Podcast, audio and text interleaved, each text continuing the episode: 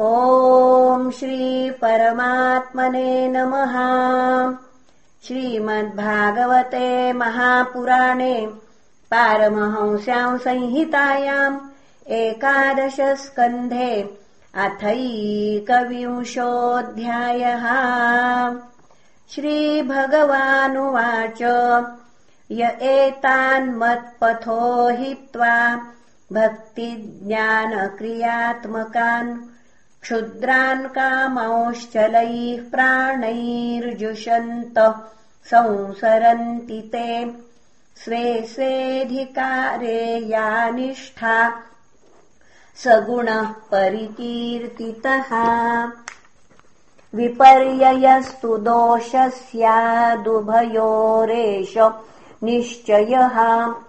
शुद्ध्यशुद्धिविधीयेते समानेष्वपि वस्तुषु द्रव्यस्य विचिकित्सार्थम् गुणदोषौ शुभाशुभौ धर्मार्थम् व्यवहारार्थम् यात्रार्थमिति चानघ दर्शितोऽयम् मयाचारो धर्ममुद्वहताम् धुरम् भूम्यम्बग्न्यनिलाकाशा भूतानाम् पञ्चधातवः आब्रह्मस्थावरादीनाम् शारीरा आत्मसंयुताः। वेदेन नामरूपाणि विषमाणि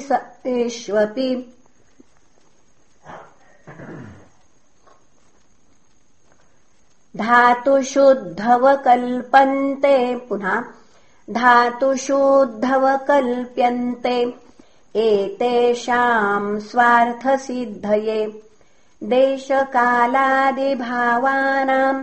वस्तूनाम् मम सत्तम गुणदोषौ विधीयेते नियमार्थम् हि कर्मणाम् अकृष्णसारो देशानाम ब्रह्मण्यो शुचिर्भवेत्।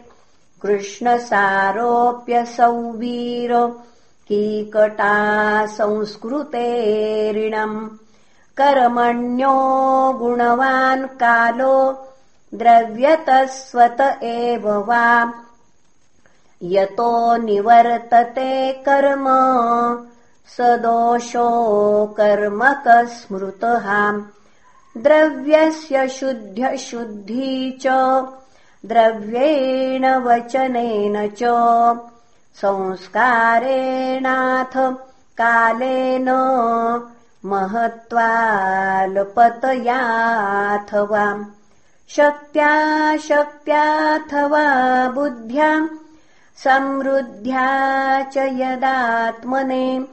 अघम् कुर्वन्ति हि यथा देशावस्थानुसारतः धान्यदार्वस्थितन्तूनाम् रज रस पुनः धान्यदार्वस्थितन्तूनाम् रसतैजसचर्मणाम् कालवाव्यग्निमृत्तो यैः पार्थिवानाम् युतायुतैः अमेध्यलिप्तम् यद्येन गन्धम् लेपम् व्यपोहति।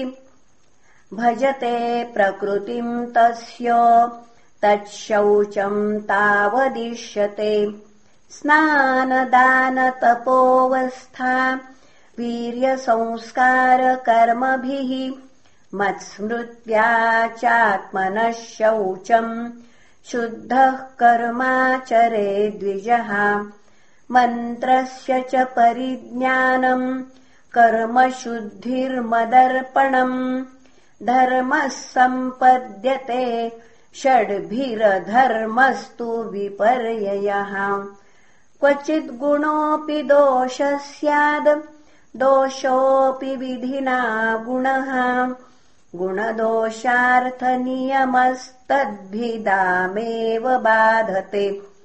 समानकर्माचरणम् पतितानान्नपातकम्।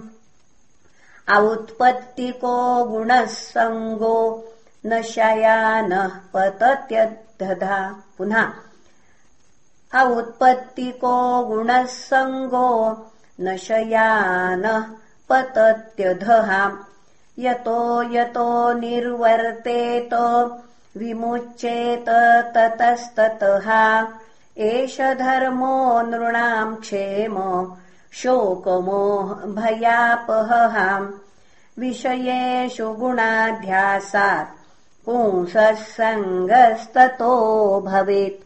सङ्गातत्र भवेत् काम कामादेव कलिर्नृणाम् कलेर्दुर्विशः क्रोध तमस्तमनुवर्तते तमसा प्रस्यते पुनः तमसाग्रस्यते पुंसश्चेतना व्यापिनी द्रुतम्। तया विरहितः साधो जन्तुः शून्याय कल्पते ततोऽस्य स्वार्थविभ्रंशो मूर्छितस्य मृतस्य च विषयाभिनिवेशेन आत्मानम् वेदनापरम् वृक्षजीविकया जीवन् व्यर्थम् भस्रेव यश्वसन्। फलश्रुतिरियम् नॄणाम् न श्रेयो रोचनम् परम्। श्रेयो विवीक्षया प्रोक्तम् यथा भैषज्यरोचनम्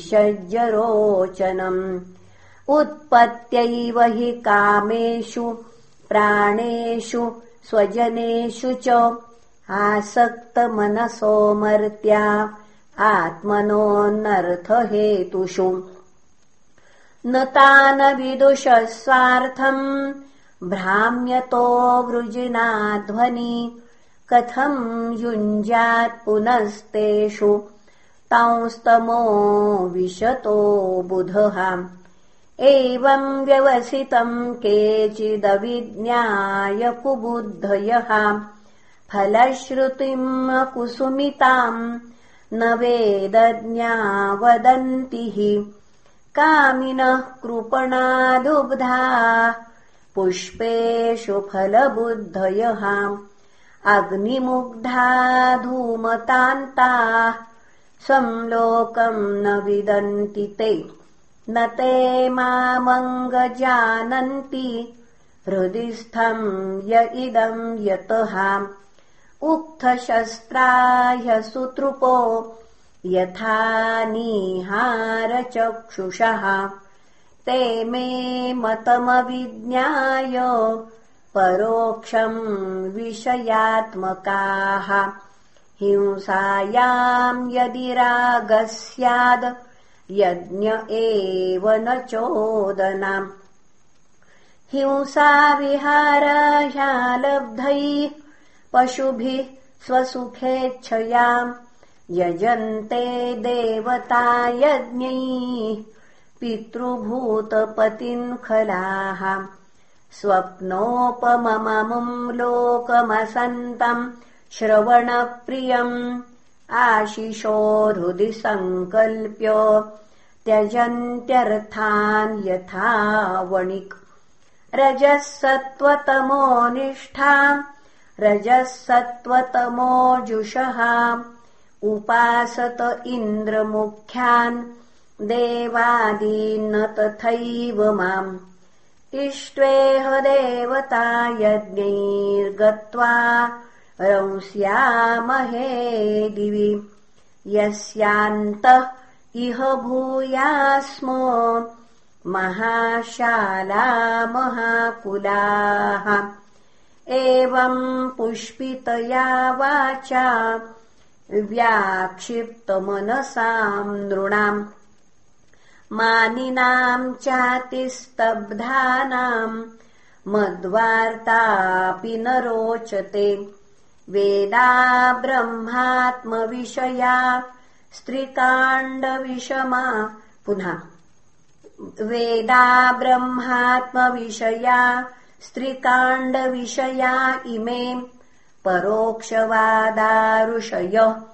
परोक्षम् मम च प्रियम् शब्दब्रह्मसुदुर् पुनः शब्दब्रह्म सुदुर्बोधम् प्राणेन्द्रियमनोमयम् अनन्तपारम् गम्भीरम् दुर्विगाह्यम् समुद्रवत् मयोपबृंहितम् भूम्ना ब्रह्मणानन्तशक्तिना भूतेषु घोषरूपेण विशेषूर्णेव लक्षते यथोर्णनाभिहृदयादूर्णामुद्वमते मुखात् आकाशाद्घोषवान् प्राणो मनसा स्पर्शरूपिणाम् छन्दोमयोऽमृतमयः सहस्रपदवीम् प्रभुः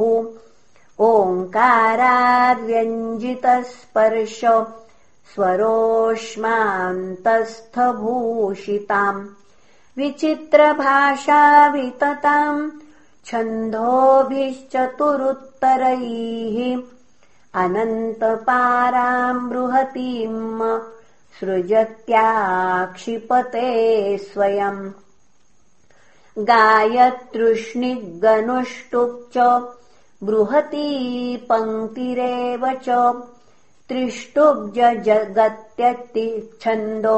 पुनः त्रिष्टुब्जगत्यच्छन्दो पुनः त्रिष्टुब्जगत्यतिच्छन्दो इहत्यष्ट्यति जगत् विराट्। किम् विधत्ते किमाचष्टे किमनूद्यविकल्पयेत् इत्यस्या हृदयम् लोके नान्यो मद्वेद कश्चन माम् विधत्ते भिधत्ते माम् विकल्प्यापोह्यते त्वहम्। एतावान् सर्ववेदार्थो शब्द आस्थाय माम् भिदाम्। मायामात्रमनूद्यान्ते प्रतिषिध्य प्रसीदति।